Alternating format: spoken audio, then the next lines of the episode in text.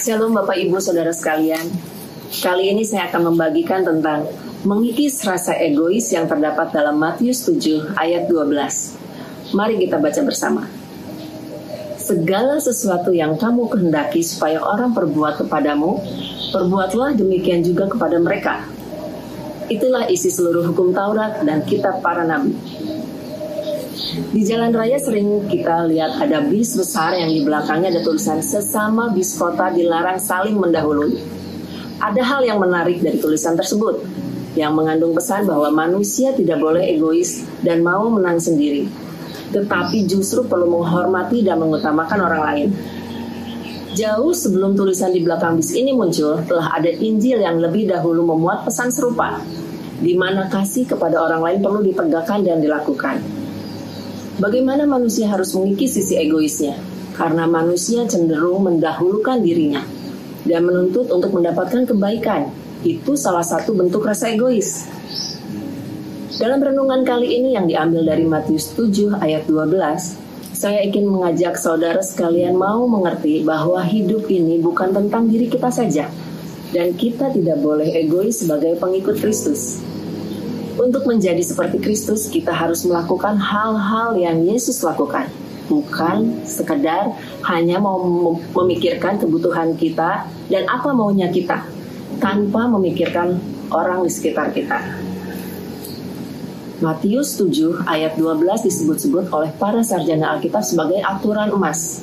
Sebab di dalamnya memberikan aturan unik untuk kita. Sebagaimana seharusnya kita memperlakukan orang lain Matius 7 ayat 12 ini juga dianggap sejajar dengan perintah agung Yesus.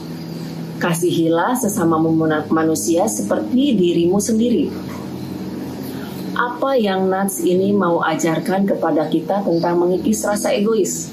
Yang pertama, mengikis rasa egois dipraktekkan dengan melakukan apa yang kita ingin orang lain lakukan kepada kita.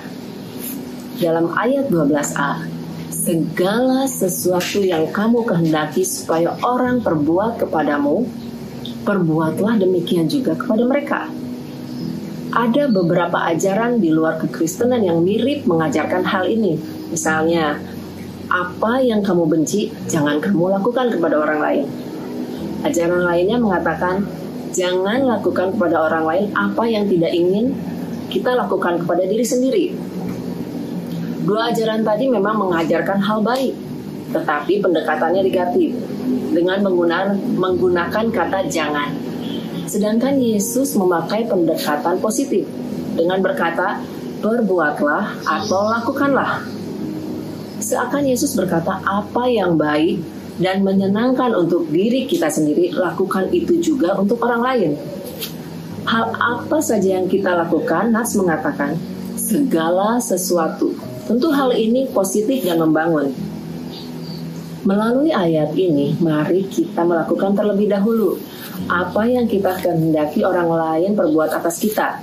Sebagaimana kita mengasihi dia karena Yesus lebih dahulu mengasihi kita. Penerapan Matius 7 ayat 12 ini sangat luas.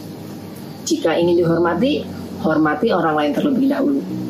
Jika ingin diapresiasi, apresiasilah orang lain terlebih dahulu. Jika ingin beroleh kemurahan, berkemurahanlah terlebih dahulu. Jika ingin punya teman yang baik, jadilah teman yang baik bagi orang lain. Jadi jangan menuntut orang lain untuk melakukan hal ini dan hal itu kepada kita, sementara kita tidak melakukan apa pun kepada mereka. Perintah kasihilah sesamamu manusia seperti dirimu sendiri dilakukan dengan melakukan apa yang kita ingin orang lain lakukan untuk kita Bapak Ibu.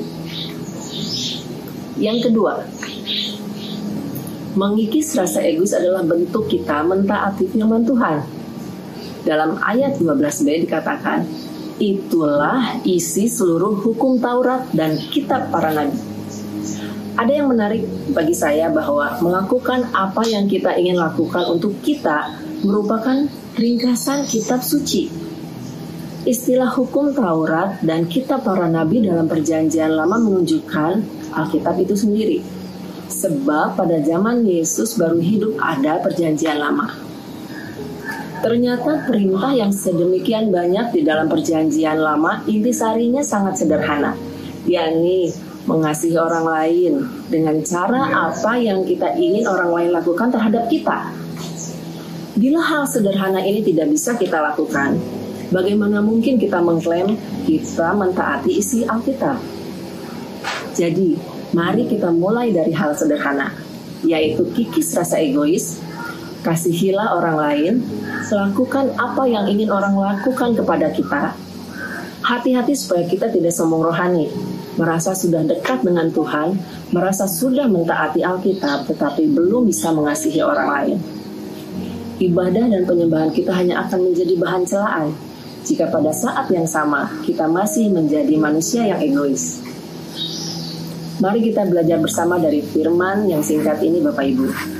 Untuk mengikis rasa egois, kasihi orang lain, lakukan apa yang ingin orang lain lakukan kepada kita. Amin.